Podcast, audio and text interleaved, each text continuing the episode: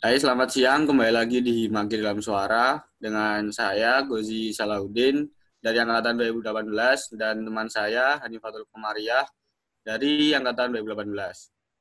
Kali ini Himagi Dalam Suara akan membawakan sebuah topik yang sebelumnya telah dilakukan survei di OA kami, yaitu Himagi ITS, dan topik yang terpilih adalah PNS versus swasta.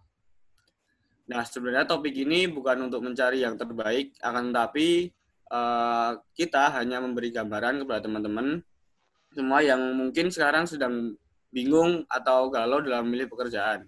Tentunya saya dan Gozi uh. tidak sendiri, tetapi ditemani oleh ahlinya, oleh narasumber yang tentu ahli dalam bidangnya. Uh, silakan Mas untuk memperkenalkan diri. Ya, perkenalkan nama saya Fauzan Syaiku. Saya dari angkatan 2014 ya, kalau di di angkatan 2016. Mungkin di sini diundang sama teman-teman buat ngobrolin pandangan dari sudut pandang uh, kerja di di pegawai swasta itu gimana sih? Uh, kalau sekarang sendiri sih uh, status saya sendiri kan bukan pegawai swasta. Dulu pernah jadi pegawai swasta, tapi sekarang udah jadi freelance. Gitu. Enggak mas? Hmm, iya, uh, perkenalin Nama saya Septem dan Panudin. Asalnya sama sih, sama Mas Ajan, angkatan 2014. Kalau kerjanya sekarang ada di salah satu kementerian yang ada di Indonesia lah. Intinya di luar Jawa. Saya tahu Mas kementeriannya itu di mana ya, Mas? Di daerah mana? Uh, kalau posisinya sih ada di Sulawesi, Sulawesi. Kalau statusnya tapi ikut pegawai kementerian, jadi bukan pegawai daerah. Nah, Mas, uh, ini apa namanya? Kan Mas Ojan kan dulu di swasta, terus sekarang Mas Sep juga di di pegawai negeri sipil kan. Buat apa namanya proses untuk masuk ke sana itu kira-kira gimana ya? Kayak tahap tahap yang disiapin, terus tahap awal sampai struggle mungkin sampai sekarang buat Mas Sep dan mungkin Mas Ojan kok bisa uh, pindah haluan itu gimana gitu loh. mungkin Mas Ojan dulu boleh. Uh, buat pertama kali proses masuk sebenarnya ceritanya lucu sih ini. Uh, dulu kan kalau teman-teman tahu saya juga kuliahnya nggak empat tahun ya, lebih dikit lah. Hmm. Cuman waktu itu ditawarin langsung, waktu itu kelas rekrutmen, jadi masuk tanpa ijazah hitungannya untuk masuk ke perusahaan swasta. Jadi gini, ini yang juga membedakan di swasta sama yang lain tuh untuk rekrutmennya terserah dia, terserah dia. Waktu itu kalau boleh cerita, aku masuk ke suatu perusahaan tuh nggak pakai ijazah, nggak pakai surat keterangan lulus, cuman pakai berita acara sidang waktu itu karena sidang udah selesai. Jadi langsung ke HRD-nya, kita ngomong-ngobrol, kita ngomong sama direktur tekniknya, ternyata cocok, langsung kerja. Jadi mungkin kalau swasta tuh kalau lebih apa ya, lebih fleksibel juga sih, tergantung kebutuhan mereka gitu. Cuman nggak menutup kemungkinan juga banyak perusahaan swasta yang juga uh, buka open recruitment gede-gedean, jadi ada psikotesnya, ada tes interviewnya segala macam dan memang persyaratannya biasanya lebih lebih ribet sih kalau menurutku. Tapi pernah juga dulu ikut uh, opreknya salah satu perusahaan swasta tapi yang nggak lulus juga gitu. Dan ternyata kalau dari koneksiku dari pengalamanku sendiri sih waktu itu aku close rate close rate gitu. Oh close rate. Berarti sebelum lulus udah udah dapat gitu ya mas? Alhamdulillah. Alhamdulillah. Terus setelah lulus cabut. Nggak sih sebenarnya uh, bukan cabut ya. Waktu itu karena emang close rate kita uh, waktu itu statusku bukan pegawai tetap, masih pegawai kontrak ya. Pegawai kontrak waktu itu namanya PKWT, pegawai kontrak waktu terbatas selama tiga bulan. Nah, selama setelah tiga bulan ini, hmm. akhirnya uh, setelah kontraknya habis, aku nggak mau berpanjang karena dapat uh, tawaran di tempat lain gitu. Akhirnya pindahlah ke kantor yang di Bekasi. Pernah se, se 2000 19 tuh pindah ke kantor di Bekasi. Waktu itu yang pertama di Surabaya. Gitu. Cuman kalau pengalamanku sendiri sih buat masuknya sendiri itu lebih banyak ke kalau rekrutmen ya. Karena ya mungkin kalau di pekerjaanku atau pekerjaan bidangku ini, bidang kita ini kan spesifik banget. Memang kebutuhannya di survei laut ya iya. orang-orang pun lebih suka buat close rek gitu. Mana ada pun perusahaan-perusahaan swasta yang memang butuhnya teknik secara umum atau jaringan geodesi atau geomatika, ya mereka bikin rekrutmen kayak misal perusahaan tambang atau perusahaan itu kan biasanya buka, buka oprek gedean gitu. Berarti emang rare ya Mas di bidang di laut itu anunya. Apa namanya SDM-nya? Kalau dibilang rare sih sebenarnya enggak enggak enggak rare banget sih, cuman lebih lebih bisa dibilang dunianya sempit. Dunia sempit. Uh, jadi kalau pernah ketemu orang ini mungkin bakal ketemu orang itu lagi. Jadi kalau masalah link itu sangat berpengaruh. Oh gitu. Oke mungkin dari Masep gimana? Uh, kalau dari aku sih, kalau dari ditanya gimana proses awal rekrutmen ya. Ya. Yeah. Kalau di PNS ini strict. Jadi kalau tadi dari Mas Ojan kayak gitu nih kayak kebalikannya nih.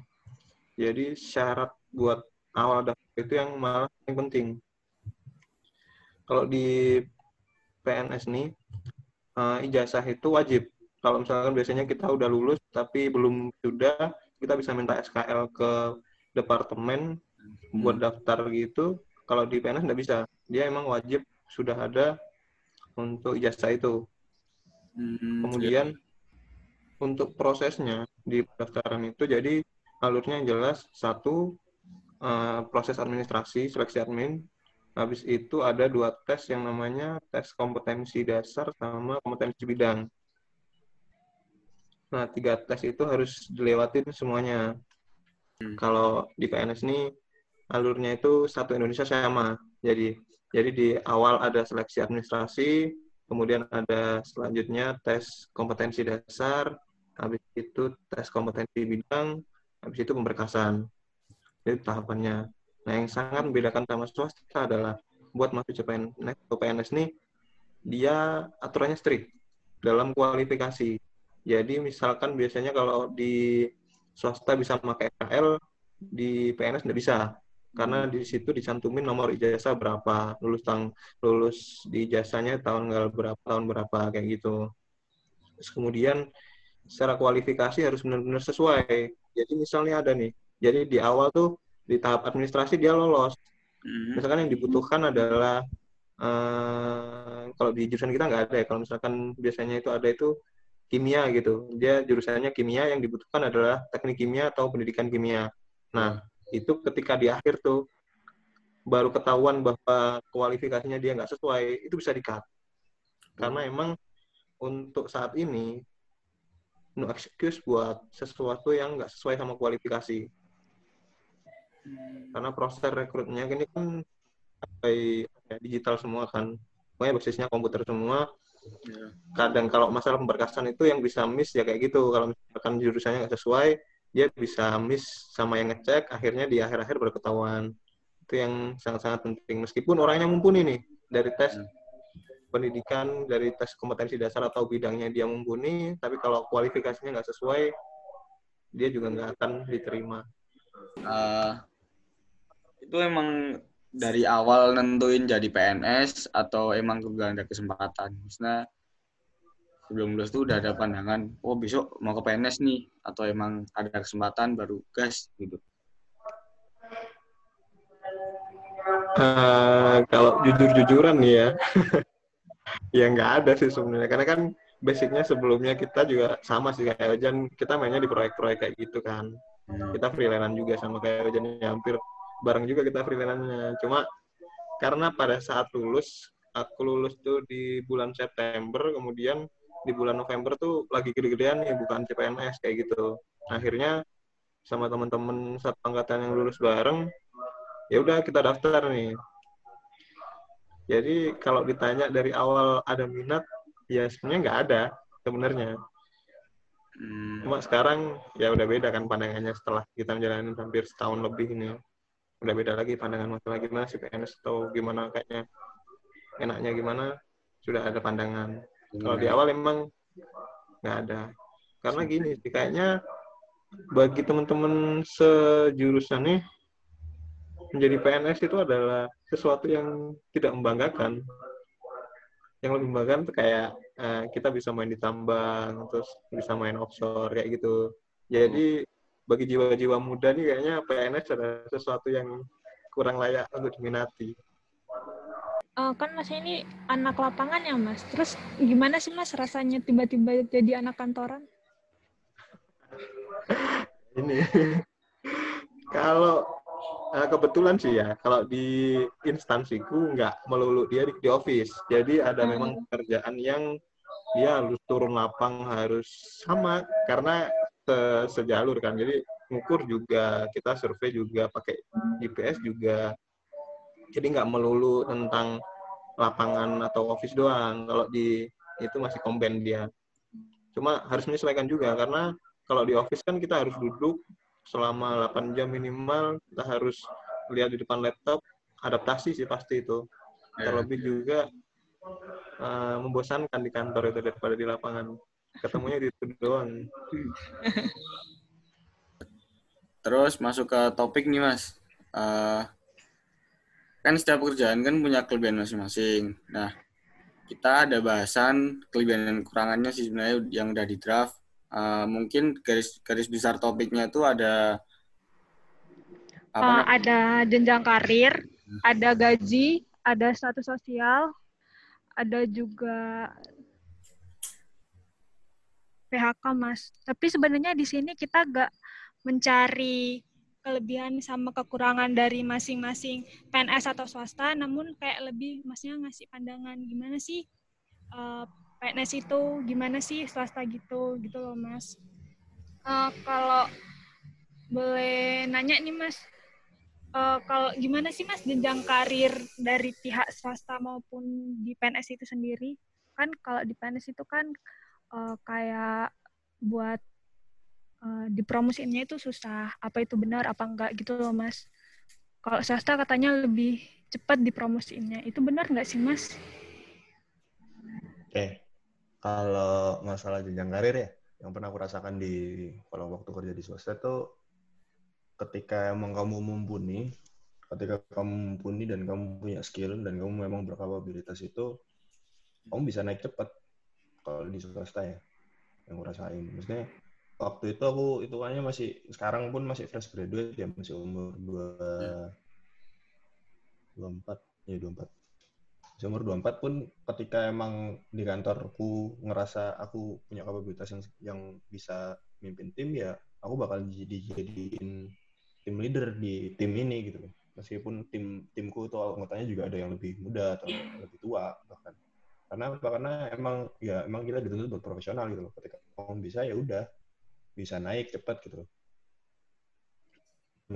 banyak juga faktor-faktor yang mempengaruhi juga ya meskipun di swasta juga kita nggak bisa bilang kalau kamu punya skill kamu bakal naik cepat nggak bisa semua nggak bisa semua kantor yang kayak gitu cuman ada beberapa apa ya lingkungan kerja yang enak adalah di swasta itu salah satunya ya ketika kamu memang punya skill ya kamu bisa nunjukin skill itu dan emang kamu nggak perlu uh, melakukan hal-hal yang tidak perlu gitu. Yeah. gitu. Berarti lebih bebas gitu ya mas? Ya, lebih bebas. Kalau buat PNS itu gimana ya, Mas Ini masalah jenjang karir ya. Kalau di PNS ini kan ada yang namanya, jadi dia dibagi dua secara jabatan itu. Kalau saya ini staf biasa kan. Kalau ada juga itu namanya jabatan pejabat fungsional ataupun pejabat struktural. Nah, kalau pejabat struktural nih yang biasanya dikenal nih sama teman-teman pejabat eselon, eselon 1, eselon 2, eselon 3, sampai eselon 5 kalau di instansi saya. Nah, itu kalau dulu nih, dulu bicara dulu memang yang kenal sama di atas, nah dia yang bakal lebih mudah buat naik secara jabatan. Tapi di era sekarang udah beda. Tapi ini tergantung juga sama instansinya. Kalau kebetulan di instansi saya, ketika dia sudah layak maksudnya secara administrasi dia bisa lolos, dia bisa ikut tes buat uh, lanjut ke naik jabatan. Jadi di kitanya ada seleksi seleksinya buat masuk ke jabatan. Seleksinya juga pun berbasisnya komputer. Jadi kayak apa ya kalau di jurusan kita pernah kayak was yang model pakai integra kayak gitu. Jadi soalnya online dulu, habis itu habis kalau dari soal tahapan tes yang kayak gitu lolos, habis itu wawancara. Jadi nggak bisa kalau sekarang udah beda pandangan kita harus beda lagi. Itu itu tesnya tiap apa mas? Maksudnya ada periodenya atau gimana? Ada periode dia ditentukan sama di pusat. Jadi di pusat nih lagi kelihatan dari, dari biro organisasi sih biasanya dari organisasi ini butuh pegawai untuk mengisi jabatan ini ini ini. Nah akhirnya di setiap provinsi itu diadakanlah seleksi buat masuk ke jabatan itu kayak gitu. Jadi bebas. Selama dia memenuhi kualifikasi dari golongan ataupun dari pendidikan dia bisa ikut. Nah, apa namanya? Itu seleksinya itu uh, satu maksudnya di kementerian kementerian Masep doang atau mungkin bareng gitu? Sama kementerian lain? Nah kalau ini nih di level-level jabatan struktural yang eselon 5 sampai eselon 2 kalau nggak salah itu dia itu cuma internal khusus bagi internal. Nggak bisa diisi dengan orang luar. Jadi dia kalau misalkan di dan biasanya kan bisa kita nih lintas lintas kementerian tuh bisa tapi di jabatan-jabatan yang agak tinggi. Kalau di jabatan bawah dia dibutuhin orang-orang internal dan itu nggak nggak urus nih. Misalkan lagi kementerian saya lagi oprek buat jabatan ini misalkan kementerian lain enggak ya nggak ada hubungannya karena kan itu khusus buat internal sendiri kan. Uh, buat Mas Ojan uh, kan tadi kalau di PNS kan kayak ada tesnya gitu kan buat naik naik naik jabatan kok di swasta tuh ada kayak gitu-gitunya mas atau mungkin misal oh skill skill kamu bagus nah ntar langsung gitu apa gimana uh, kalau di swasta sendiri ya balik lagi beda-beda ya uh, semua hmm. perusahaan punya punya apa namanya kebijakannya masing-masing cuman yang umumnya yang aku tahu itu biasanya tiap tahun itu emang ada laporan tentang kinerja. Jadi kayak uh, evaluasi kinerja lah. Jadi kayak kamu emang kinerja bagus, biasanya ada HRD kan. Kita punya HRD yang buat menilai oh, iya. kinerja tiap-tiap apa namanya tiap-tiap personil lah, tiap-tiap karyawan di situ. Kalau misalnya emang kinerja yang baik dan emang dibutuhkan buat posisi yang di atasnya bisa aja emang bisa naik gitu cuman ya balik lagi itu terserah uh, tergantung dari kinerja kita, tergantung dari ya kebijakan dari ini juga sih. Ya, tergantung dari apa evaluasi kinerja biasanya biasanya sih tiap tahun, tiap tahun tuh emang ada kayak apalah kayak kita punya rapot lah, kita punya rapot uh. Uh, kinerja kita selama setahun segala macam nanti bakalan dievaluasi juga sama atasan dari divisi kita atau manajer atau direktur kita seperti itu. Oh. Nah, itu kan itu kan ada evaluasi mas itu evaluasinya tuh kalau di mungkin di mahasiswa atau sekolah tuh kayak ada KKM-nya kan? Atau kok di pekerjaan tuh kayak ada KKM-nya nggak? Kayak misalnya ntar di bawah KKM terus di apa namanya istilahnya di di di kontraknya ditulis gitu. apa gimana? Uh, sebenarnya ada. Kalau misalnya penilaian tuh sama kayak kalian bikin inilah kayak kalian bikin GDK kalian bikin penilaian apa? Ngedan gitu ya? Kaderisasi seperti itu uh. semacam itu. Sebenarnya macam uh, mirip-mirip seperti itu. Jadi, hmm. ada di buat penilaian dari ini tuh emang ada kriteria-kriteria masing-masing. Cuman buat konsekuensinya ya macam-macam juga. Ada perusahaan yang udah gede ada yang udah settle tuh ketika kamu dalam dua tahun kamu melakukan performa bagus langsung pecat. Yeah. ada yang cuma dikasih SP ada yang cuma diingetin ada yang macam-macam. Balik lagi ke uh, tiap-tiap perusahaan punya kebijakan yang berbeda-beda gitu kalau di swasta. Hmm. Oh berarti kalau kayak GDK berarti secara nggak langsung kita dapat mesti dapat timbal baliknya berkembang gitu juga ya? Kalau iya kalau di di ini kayaknya di semua pekerjaan sih meskipun di PNS di swasta juga pasti ada yang namanya training juga. Hmm. Uh, kalau misalnya emang kalian baru di situ, baru di bidang itu atau bahkan meskipun kalian udah berexperience pun pasti kalian bakalan dididik dulu sama sama atasan kalian atau sama senior-senior kalian di kerjaan gitu. mungkin kalian tiba-tiba dilepas langsung kerja gitu. Ya mungkin ada juga perusahaan yang seperti itu cuman kan nggak semua baiknya sih. Biasanya ada pelatihan pelatihan ada training training kan gitu. Kayak penyesuaian gitu ya mas yes benar. Oke terus lanjut ke pertanyaan selanjutnya hmm. oh, oh ya mas mau nanya uh, kalau dari pegawai kontrak ke pegawai tetap itu prosesnya gimana mas uh, kalau pegawai kontrak tuh biasanya yang aku tahu ya, yang aku tahu tuh PKWT itu maksimal dua tahun. PKWT itu maksimal dua tahun. Setelah dua tahun nggak boleh nggak bisa diperpanjang lagi. Tapi ada juga sih beberapa yang juga belum berpanjang. Itu nggak tahu aturan ada aturan pemerintah, cuman aku juga kurang tahu, kurang paham masalah itu. Cuman uh, kalau sekarang sih yang aku tahu ya di industriku itu banyak yang emang pegawai kontrak. Dalam kalau pegawai tetap tuh jarang.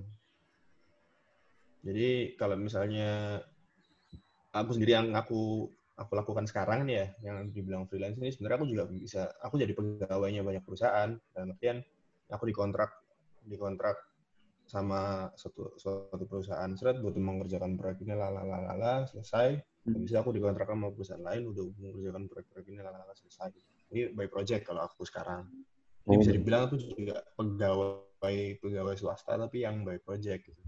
Tapi kalau misalnya pegawai tetap sendiri, biasanya sih kalau perusahaan besar itu open recruitment ya. Jarang kalau close recruitment itu jadi pegawai tetap.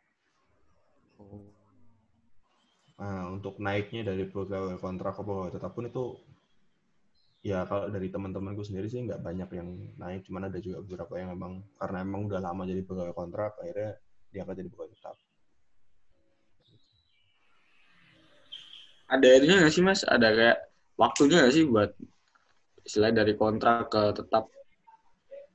Ya itu di kalau uh, kemarin ada teman-temanku yang setelah tiga bulan jadi pegawai kontrak langsung mau diangkat jadi pegawai tetap ada ada yang dua tahun diangkat jadi dari pegawai kontrak jadi dua tahun dan diangkat jadi pegawai tetap ada. Itu balik lagi ke biasanya perjanjian di awal sih. Jadi kayak kamu setelah kita tanda tangan kontrak kalau misalnya mau pegawai tetap sekian misal tiga bulan mau diperpanjang silakan kalau nggak mau ya aku minta gue tetap. Itu kan masalah deal-dealan lagi negosiasi lagi kita ke perusahaan-perusahaan masing-masing. Sebenarnya hmm. balik lagi ke banyak apa ya kalau swasta itu kan lebih bisa kayak gimana gitu. Ya yeah. kalau pegawai kontrak tuh sebenarnya kalau nggak salah diatur juga di pemerintahan ada ada undang-undangnya cuman aku kurang paham juga sih. Biasanya yang diatur tuh cuman kayak durasi maksimal. Kontrak itu berapa lama setelah itu harus diangkat segala macam oh iya. Setahu aku sih gitu cuman aku kurang kurang paham juga sih masalah itu uh, lanjut ke pertanyaan selanjutnya ya mas uh, kalau ini mungkin rada sensitif soalnya ini masalah gaji. uh, gimana sih mas gaji an apa di antara PNS sama swasta? Kan kalau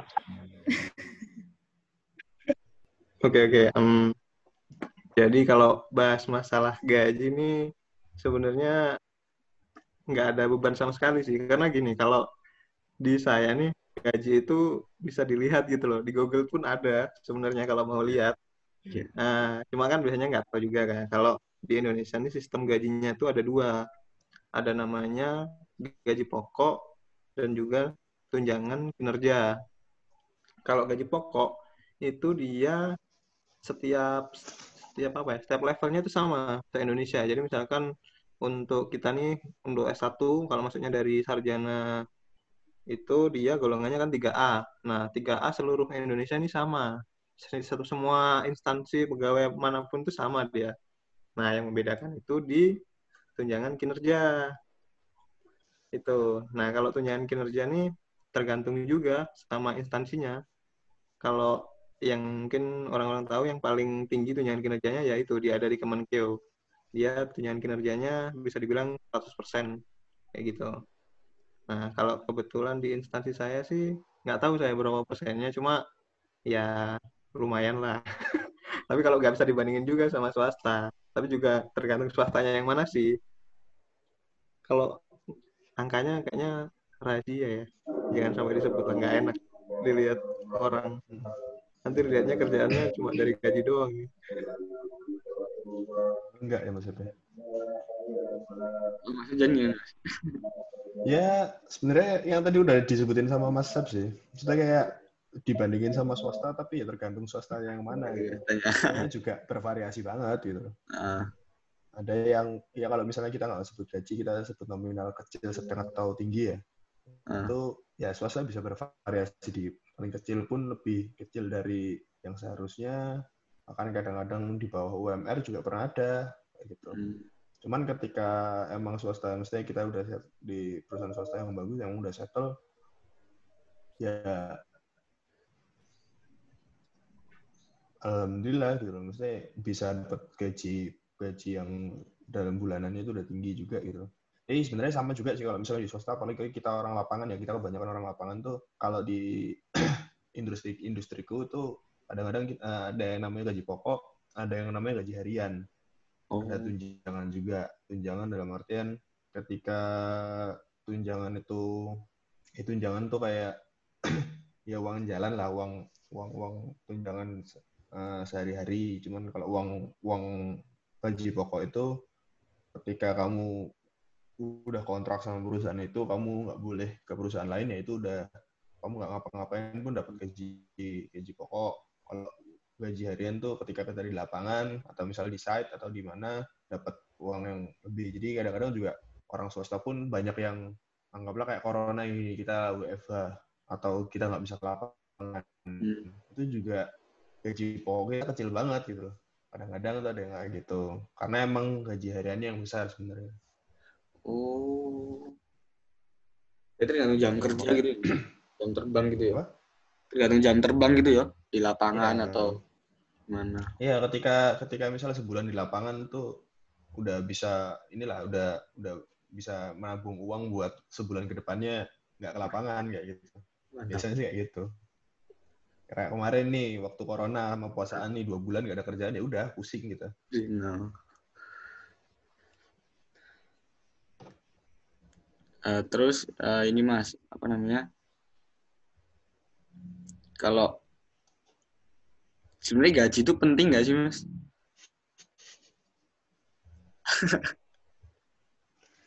ya penting bro. gaji gak penting katanya. Waduh. Ya kan mungkin ya, ada uh, mungkin ini sih ada pandangan ya. Kalau waktu aku dulu masih fresh graduate baru-baru awal-awal lulus ya. Hmm. Masih idealis-idealisnya masih nyari pengalaman katanya kan. Oh iya.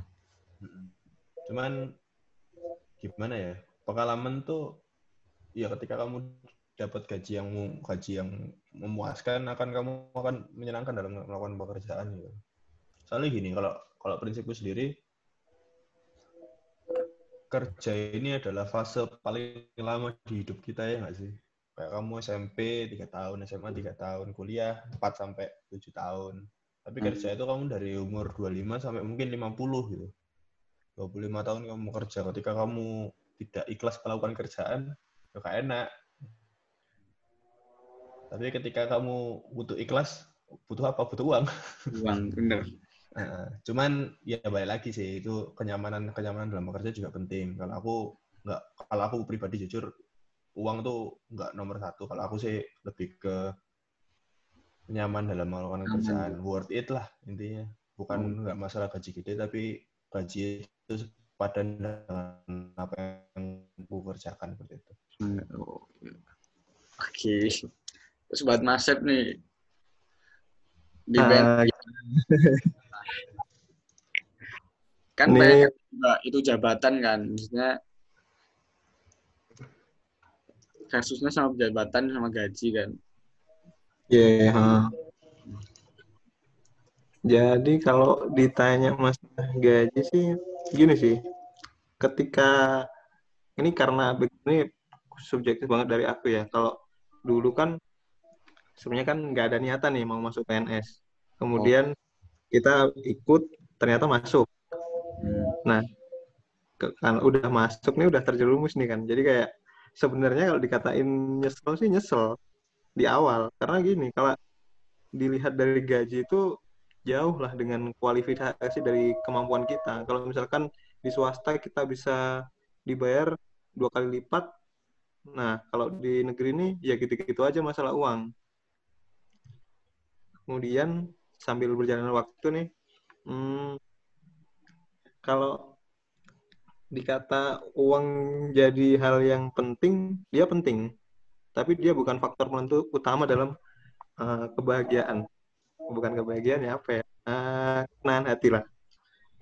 Di PNS ini sesuatu yang mungkin tidak dapat ditemukan di tempat lain adalah ketika kita bekerja, kita bekerjanya buat rakyat. Bukan untuk diri sendiri aja. Jadi ketika kamu melakukan sesuatu yang itu membuat rakyat itu paling enggak kamu bisa lihat senyumnya itu hmm. itu adalah sesuatu kepuasan hati tersendiri.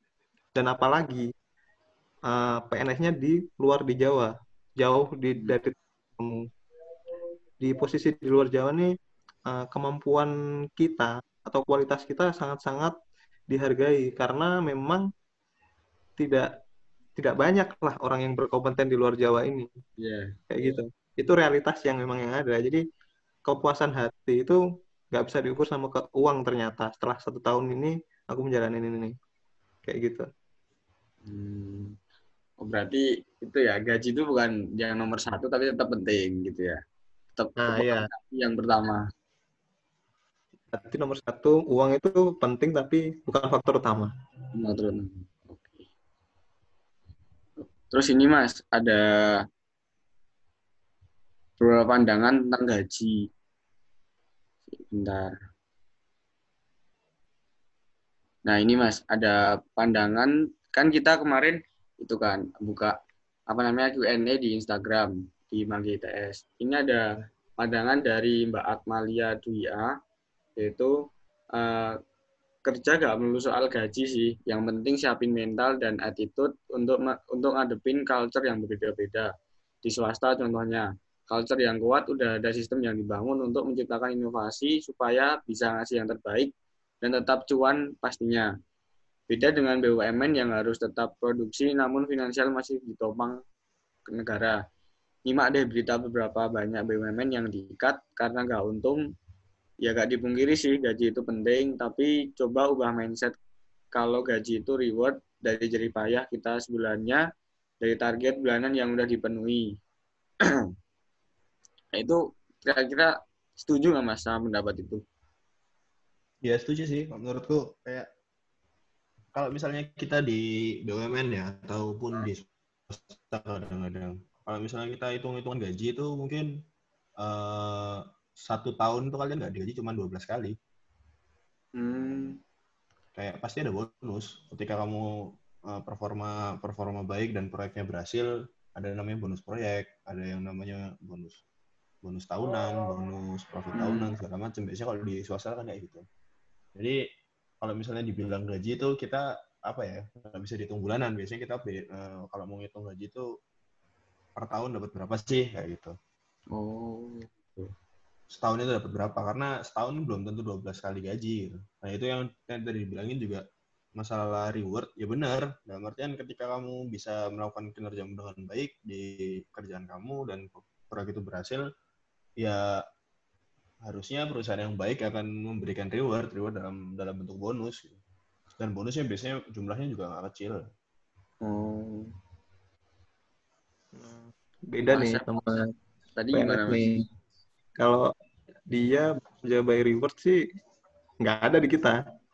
Misalkan kerjamu lima kali lebih lima kali lipat lebih berat daripada biasanya ya uang negara ini cuma ada segitu buat lo kayak gitu yang nggak ada nggak ada tambahan lagi nih. Nggak ada masalah bonus-bonus itu nggak ada karena uang tuh udah disiapin sama PBN setahun sebelumnya siapin sekian.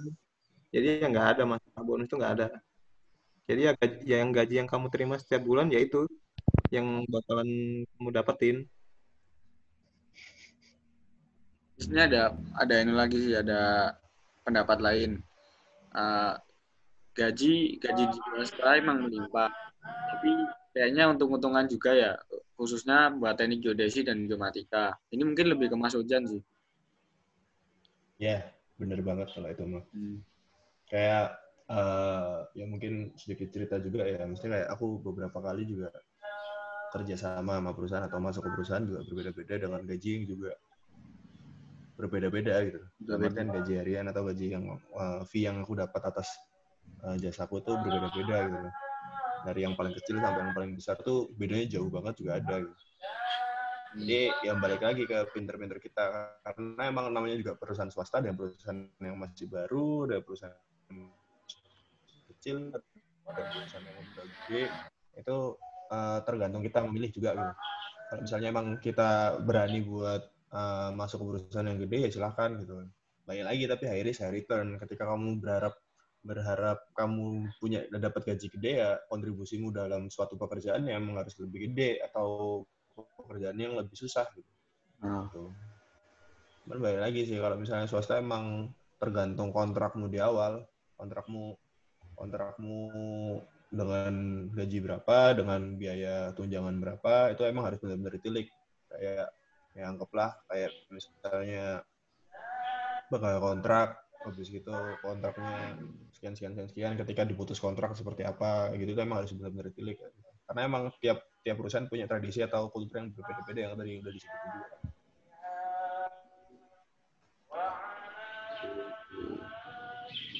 Uh, terus uh, mungkin lanjut ke topik selanjutnya uh, yaitu tentang PHK nih. Sebenarnya antara PNS sama swasta yang lebih rentan kena PHK tuh yang mana sih, Mas?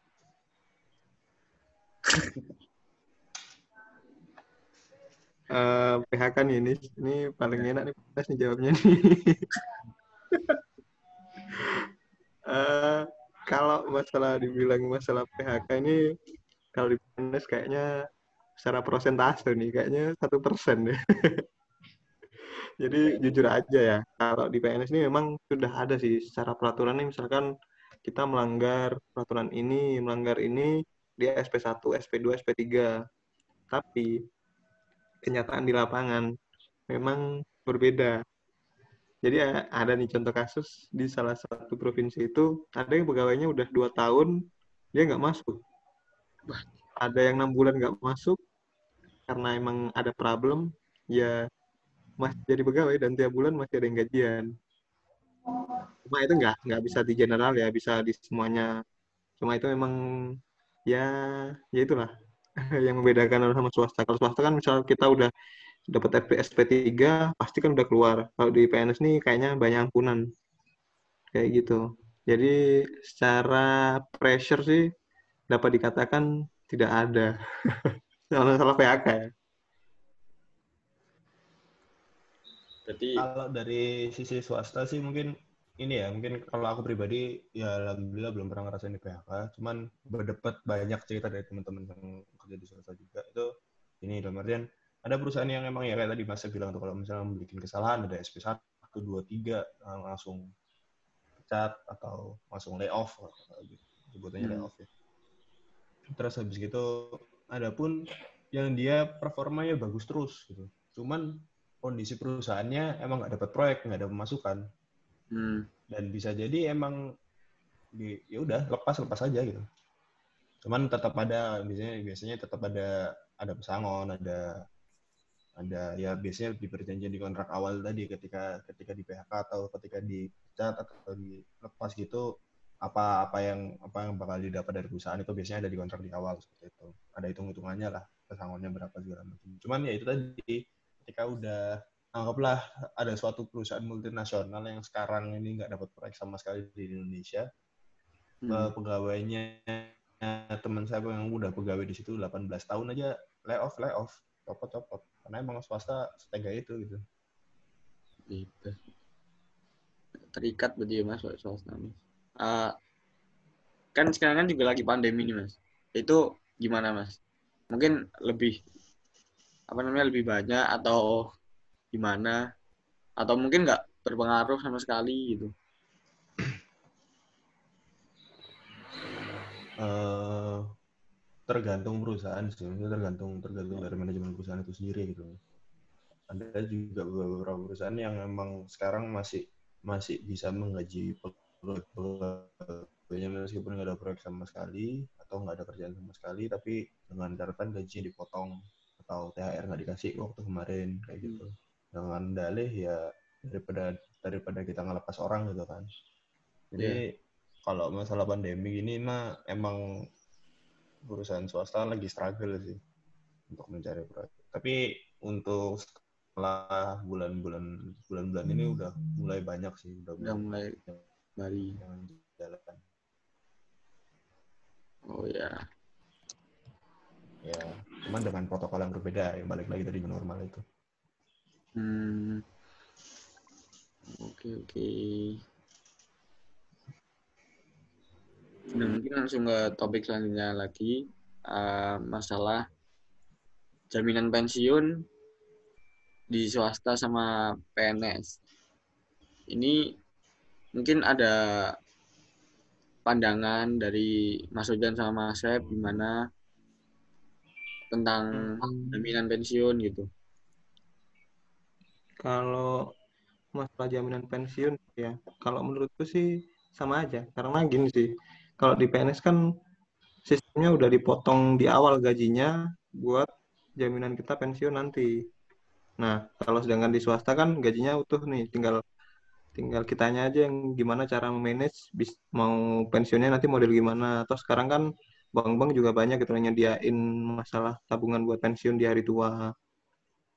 Kayak gitu. Sebenarnya kalau di PNS sama aja. Kalau misalkan ditanya ya, kalau misalkan nanya nominal, dia kalau di PNS itu ketika kita pensiun yang didapat adalah gaji pokok terakhir ketika kita menjabat. Misalkan aku nih umur lim, berapa ya 24 tahun.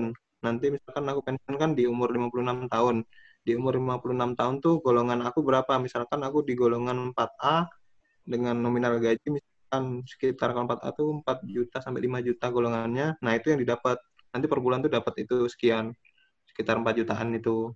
Itu jadi tiap bulan dapat 4 juta, 4 juta, 4 juta kayak gitu kalau di kita. Hmm. Kalau yang di Mas Ojan gimana? Ya, kalau misalnya ini sih ya ini ya lebih ke gimana kita nge-manage nge-manage tabungan kita sendiri ya. Dan kalau misalnya tabungan pensiun ya kalau di swasta itu kan sebenarnya meskipun kamu umur ya, umur umur tua pun mesti umur 50 ke atas pun masih bisa gitu loh.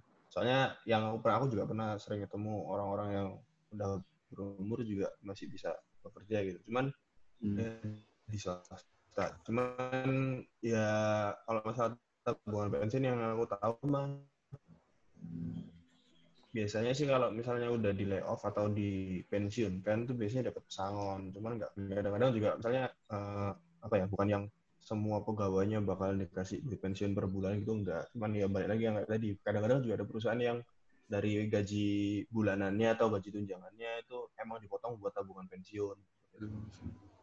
Ada juga yang perusahaan ya udah kamu ngatur uangmu sendiri tak kasih ini semua terserah kamu ngatur uangmu kayak gimana atau untuk kamu buat modal bisnis atau kamu tunggu buat tabungan pensiun atau kamu buat tabungan buat pendidikan anak terserah kamu Hmm. Ada juga yang perusahaan yang seperti itu. Balik lagi ke kalau swasta kan lebih fleksibel, lebih apa ya? Lebih macam-macam juga gitu, tergantung dari kultur budaya uh, kultur perusahaan masing-masing. Oh iya. Uh, berarti tapi kalau apa namanya? Uh, mungkin jangka waktu tabungan pensiunnya itu bisa dikatakan sama gitu ya mas sama yang PNS Biasanya, biasanya sampai sampai mungkin sampai uh, orang itu meninggal atau mungkin sebelum itu atau gimana atau mungkin ada batasan umurnya atau gimana? Kalau yang setahuku ya itu yang tadi ya kalau misalnya di swasta kalau di layoff ya kamu dapat pesangon aja sekali keluar hmm, gitu. Sekali oh. Dalam jumlah besar biasanya. Hmm. Jadi misal nih dengan gaji gaji sekian waktu kamu di, di layoff atau dilepas ya kamu dikasih uang um, berapa kali dari gajimu gaji bulananmu itu misal jadi misal sekali keluar ya udah kamu dikasih uang misal anggaplah 100 juta atau 200 juta ya udah. Hmm. habis itu kamu nggak dapat apa-apa lagi dari situ. Biasanya kalau swasta segitu. Berarti sekali sekali sekali dapat gitu ya, ya sekali dapat gitu ya? dapat. kalau di swasta kalau di PNS pesangon lah bilangnya. Ya pesangon. Kalau di PNS sendiri gimana mas? Uh, kalau pesangon dapat apa? Sih beda. Kalau sekarang sistemnya kan ya itu gaji apa namanya kayak gajian per bulan tapi kita nggak kerja. Jadi kita cuma tidur di rumah semprot semprot burung kita digaji. Kalau masa tua nih. Jadi kalau misalkan ini aku udah lihat nih di peraturannya misalkan aku nih nanti udah masa kerja sekian setelah 25 tahun masa kerja dengan golongan misalkan nanti aku di umur yang pensiun 4A tuh sekitar angkanya angka tetap nih 4 juta 699 ribu sekitar sekian. Itu tiap bulan tuh kita dapat dari situ tanpa kita kerja. Oh. pertimbangin aja. Cuma kan kalau gaji kan dia uh, berubah-berubah terus. Jadi tiap tahun tuh biasanya berubah. Kenaikannya juga nggak besar lima persen. Setelah berapa tahun lima persen. Jadi nggak mungkin dong ketika 25 tahun lagi ke depan dengan nominal sekian kan nggak mungkin juga. Inflasi juga kan beda. Nilai mata uangnya kan dia mengikuti gaji pokok yang ada di peraturan terakhir lah pokoknya kayak gitu Berarti itu gaji pensiun dapatnya sampai orang itu meninggal atau ada batas waktunya, Mas? Iya, kayaknya sih meninggal ya. Kayaknya pas dia udah meninggal, kalau biasa kalau misalkan nih kayak aku nih nanti punya istri ya punya istri terus ketika aku meninggal biasanya ke istrinya selama istrinya belum menikah lagi kalau istrinya udah menikah lagi bukan tanggung jawab si suami nah itu baru nanti udah hilang tanggung jawabnya gitu. mungkin itu yang membuat orang dikatakan PNS itu safe padahal sih kalau orang swasta bisa manage sih juga bisa aja kayak gitu mungkin bisa lebih banyak malahan Iya nggak Mas Ojan? Ya, banyak lagi tergantung itu sih, Mas. Apa namanya? Ya, kalau misalnya kita orangnya boros dan meski kita uangnya banyak tapi boros ya habis ya habis gitu. Tapi kalau misalnya kita bisa memanage uang atau ya anggaplah anggaplah kita bisa memutar uang untuk buat investasi atau bikin bisnis atau bikin bikin PT sendiri itu kan juga bakalan jadi tabungan ini. Menurutku sih ya itu tadi kalau misalnya yang masa bilang lebih banyak itu sebenarnya nggak lebih banyak sih tapi resikonya lebih tinggi gitu. Ya balik lagi kan high risk high return soalnya ya kalau misalnya kita salah manage ya ketika kita di masa tua nggak punya uang ya udah nggak makan Nah, terus ini mungkin ada ada itu lagi dari hasil Q&A kemarin ada pendapat lagi dari Mas Dian.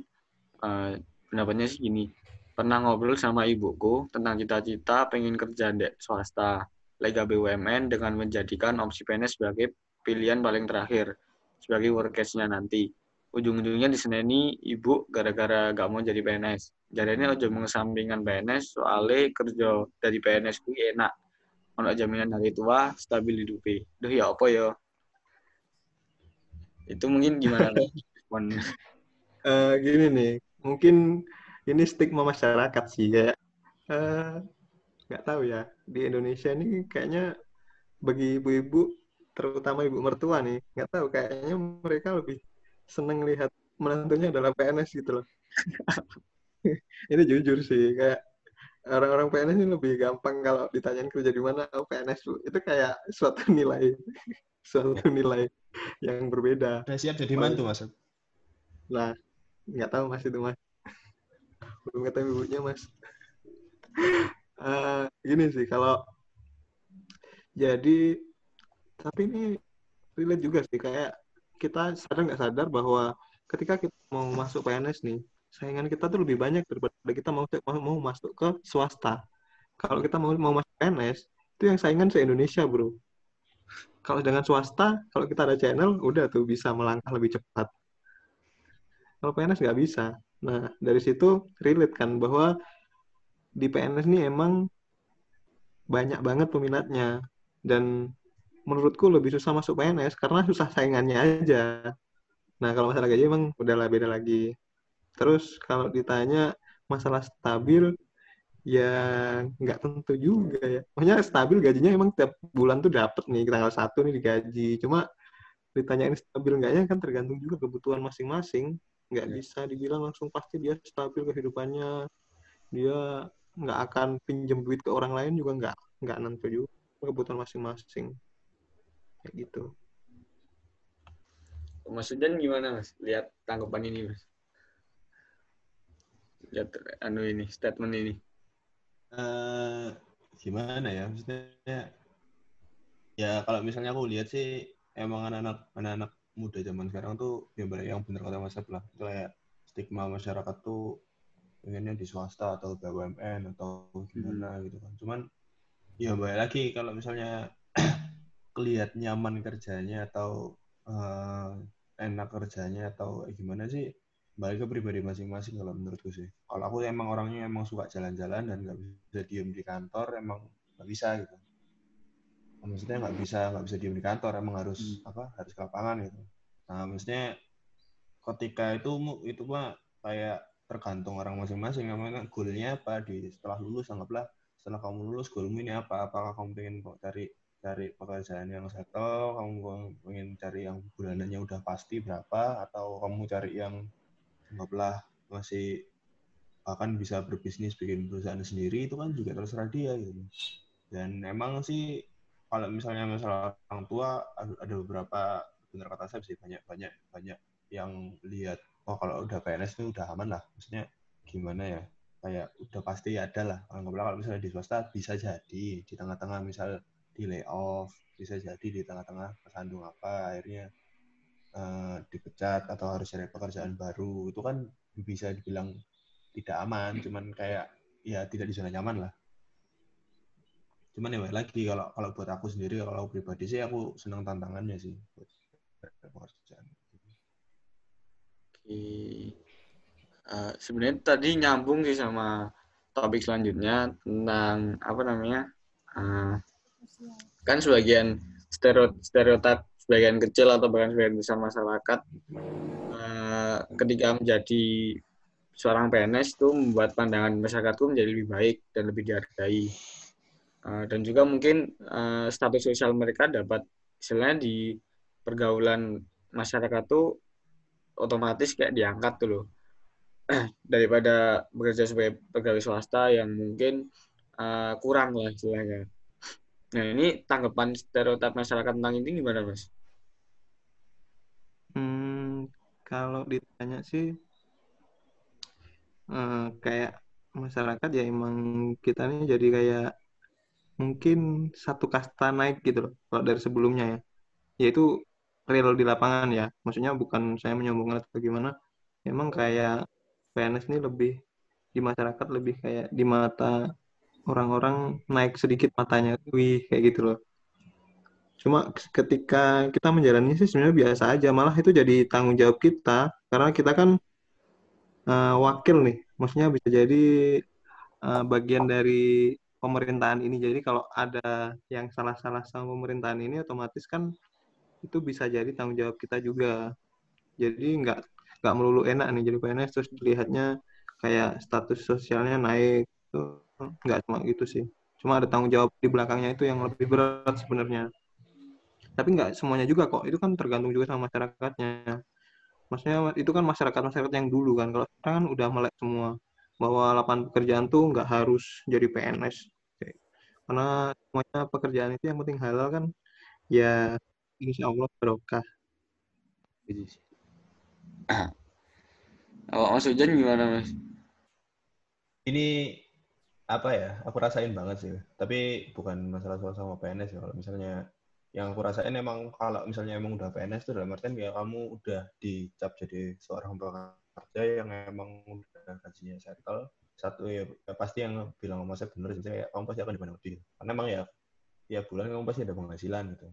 Ketika di swasta kayak meskipun ada teman yang kerja di salah satu perusahaan multinasional ya dan maksudnya kantornya bahkan tuh di di Belanda gitu. Kamu kerja di mana? Di perusahaan ini. Nggak semua tahu gitu. Oh iya. Jadi kayak oh ya udah. Padahal juga menurut dia itu prestis banget kan kerja di perusahaan yang seperti itu cuman nggak nggak semua orang juga tahu perusahaan. Oh kita mesti kan langsung di stereotip orang-orang kan itu perusahaan apa? Perusahaan aku nggak tahu perusahaan mungkin kecil atau gimana. Padahal ya itu balik lagi sih balik ke tiap-tiap orang. Kalau misalnya mau kerja ya yang penting nyaman sih menurutku. Dan kalau aku pribadi malah justru kalau aku ditanyain kamu kerja di mana mas? Sekarang aku freelance pekerja lepas ya apalagi orang-orang orang-orang tua kalau lihat uh, ada yang bilang pekerja lepas itu kan kayak udah nggak nggak nggak apa ya nggak jelas lah hidupnya lah ya. Ada ada kerjaan atau ada kerjaan yang kerja kalau nggak yang enggak gitu kan. Tapi sebenarnya gitu juga sih aku. Kalau ada kerjaan yang nggak kerja. Cuman kan nyaman gitu dalam artian kita juga apa ya bisa jalan-jalan kita bisa ngerjain proyek sambil seneng-seneng sama teman-teman di lapangan ya gitu cuman ya balik lagi sih kalau misalnya orang yang secara umum orang tahu semua sih memang PNS atau kerja di BUMN atau di PNS itu kan udah jelas gitu orang-orang oh ini emang udah pekerja yang emang udah settle udah jelas gitu. cuman kalau di swasta atau di freelance ini kan emang nggak semua orang tahu, cuman segelintir orang aja yang mungkin tahu kamu kerja di perusahaan yang seperti apa, pekerjaanmu seperti apa, resiko kerjaanmu seperti apa, mungkin bahkan gajimu berapa gitu. Gitu. Yo ada plus minusnya sendiri ya kalau emang itu. Maksudnya ya nggak sebebas itulah kalau misalnya di PNS. Tapi ya balik lagi ke stereotip masyarakat tentang itu. Nah, itu Uh, terus ini Mas ada yang nanya uh, gimana sih Mas um, membuat lingkungan kerja itu senyaman mungkin? Hmm. Waduh ini tergantung dari personal juga ya, nggak nggak melulu gimana ya kalau di kalau dari aku sendiri ya intinya tanggung jawabmu tupoksimu itu selesaikan dulu nyaman tidak nyaman itu harus kamu selesaikan karena itu adalah kewajibanmu. Setelah itu tinggal kamu menyamankan diri. Jadi uh, karena kan kalau misalkan nih kalau di lingkungan kerjaku kan kebanyakan orang tua dan orang muda-muda itu dikit. Jadi kita mau nggak mau nih harus ya kalau masalah obrolan harus agak menyesuaikan sedikit sama mereka. Terus dari topik pembicaraan, terus dari cara kita menyampaikan sesuatu ke ke mereka itu memang ada harus menyesuaikan dulu. Pasti itu. Dengan di mana pun pasti harus menyesuaikan kok. Ya gitu sih kalau aku. Dari Mas Fajan gimana mas? Kalau aku sih lingkungan kerja ya, maksudnya nyaman nggak nyamannya kita kerja itu kan balik lagi komunikasi antar tim. Kalau kalau aku kan apa lebih sering di lapangan ya, dan kalau di lapangan pun seringnya apa namanya emang mesti ada evaluasi lah dalam artian kita kalau misalnya memang ada sesuatu yang perlu disampaikan disampaikan. Kalau misalnya memang sesuai cuman nyaman nggak? Nyaman kerja itu kan yo tergantung pribadi masing-masing. Kalau misalnya memang kamu pengen nyaman nyamanmu sendiri tapi orang-orang lain orang lain di timmu nggak nyaman ya akan selesai masalahnya yang balik yang paling penting sih gimana caranya orang-orang sekitarmu itu bisa nyaman dengan kerjaan kamu dengan pola kerjamu dan kamu bisa apa ya bisa menyesuaikan sama mereka juga gitu. Hmm. Soalnya ya baik lagi kita nggak kayak di kampus. Anggaplah di kampus lah orang kan udah beda-beda lah. Kalian teman-teman kalian yang modelnya beda-beda. Kalau kalian emang nggak cocok ya udah nggak usah dikumpul bisa kan kayak gitu ya. Hmm. Gitu. Cuman kalau misalnya di kerjaan nggak bisa. Kalau di kerjaan emang kamu harus kerja bareng dia atau ada tugas yang emang kamu harus mengerjakan bareng dia ya udah. Mau nggak mau emang harus kamu kerjakan masalah nyaman nggak nyaman ya namanya juga kerja gitu. Lebih ke profesional profesionalitas dia Ya, kalian nggak bisa berdalih kekeluargaan di kerjaan.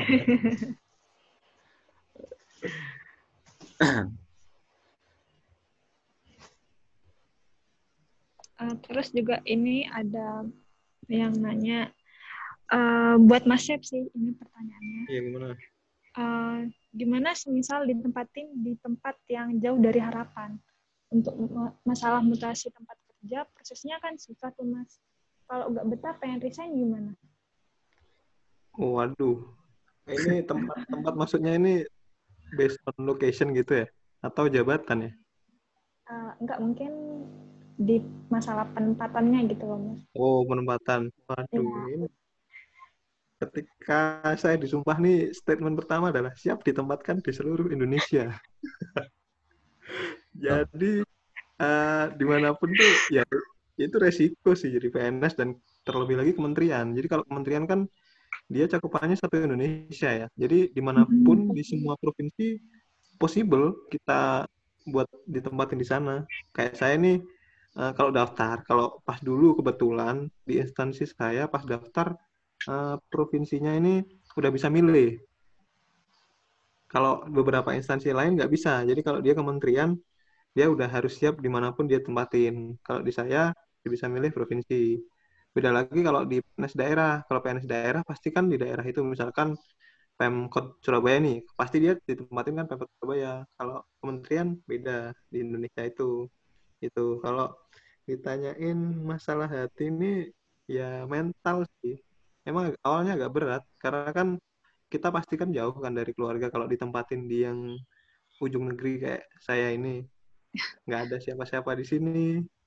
Ya harus menguatkan hati dengan udah risiko sih sebenarnya sih. Dari awal udah jelas gitu loh kalau di statement ketika disumpah siap ditempatkan di mana pun. Jadi itu tinggal manage diri sendiri aja. Tinggal nanti sama lobby lobby kan gimana cara balik ke Jawa kayak gitu aja lah Berarti nanti bisa pindah ya, Mas? Nah, jangan sampai nggak bisa. Kalau nggak bisa, saya nggak akan daftar nih, resign nih saya. iya, kalau di prat, di suratnya sih, di surat pernyataan, dia 10 tahun uh, tidak boleh mengajukan mutasi. Kalau mengajukan, dianggap mengundurkan diri, kayak gitu. Hmm. Kalau kita resign, biasa aja kok. Kita nggak ada denda sama sekali kok kayaknya. Selama yang aku tahu ya kita mau kalau misalkan ini mengundurkan diri dari PNS nih ya nggak apa-apa mengundurkan diri aja. Berarti emang udah nggak siap mengabdi untuk negara. Dan negara pun yang menerimanya. Masa negara hambat? Enggak kok. Ada kayak di bank-bank gitu kan biasanya ada denda-denda gitu ya. Kalau di PNS enggak ada. Kira-kira apa aja yang dibutuhin seseorang dalam menghadapi dunia pekerjaan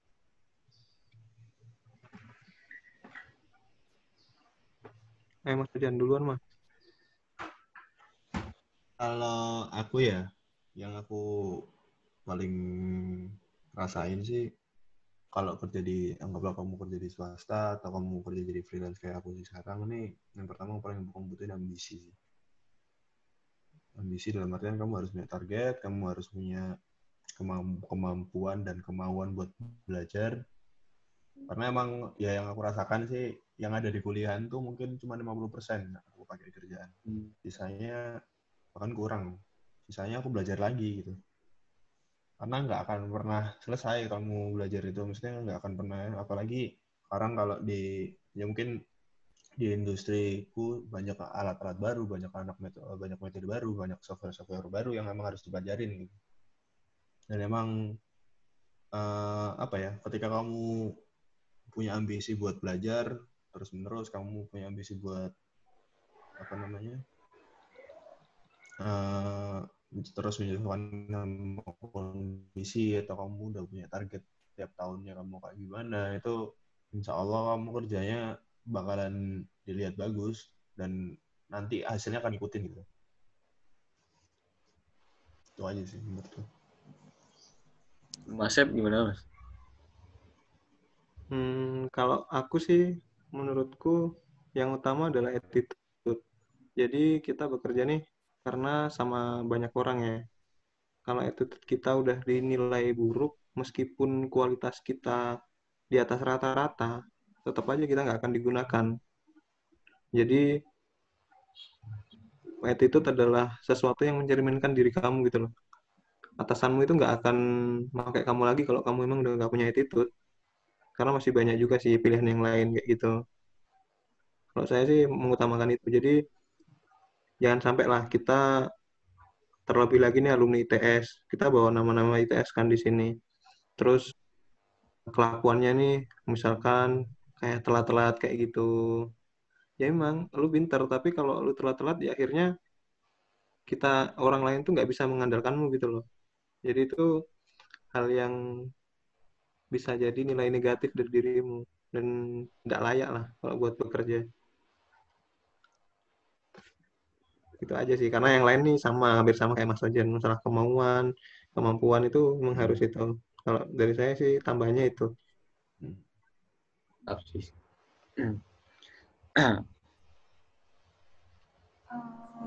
Jadi uh, ini tuh sudah sampai ke bahasan terakhirnya kita di sini.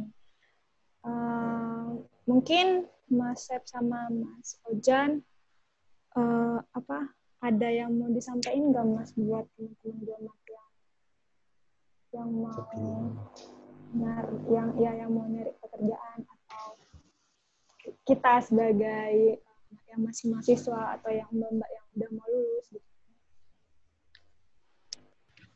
Hmm, gini buat teman-teman nih khusus dari anggota Hima IPS yang mau lulus dan mau bekerja siapkan diri kita semasa kuliah karena kuliah adalah panggung untuk belajar. Di situ setiap kesalahan kita yang perbuat di perkuliahan akan diampuni kuliah pun juga tempat pembentukan karakter, rasa soft skill, dan hard skill. Soft skill bisa macam kreativitas, problem solving, kerjasama, pola pikir, komunikasi. Nah, di, di dunia pekerjaan itu, persaingan itu jelas nyata adanya. Maka jadilah versi terbaik dalam dirimu, sehingga kamu layak mendapatkan mimpi yang kamu harapkan. ITS dan Departemen Geomatika adalah tempat yang besar, Jangan sampai melahirkan pejuang yang lemah yang tidak punya mental dan kualitas. Indonesia butuh generasi hebat.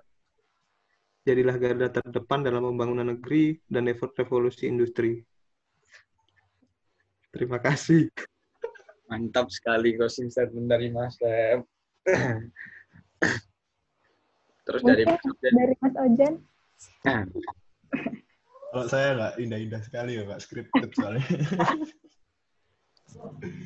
uh, apa ya kalau pesan sih sederhananya gini buat teman-teman jangan takut bersaing saya sering banget aku lihat teman-teman dari tes tuh udah minder di awal itu kalau nggak suka maksudnya kayak kita dibandingin sama teman-teman dari tempat lain tuh juga nggak kalah gitu.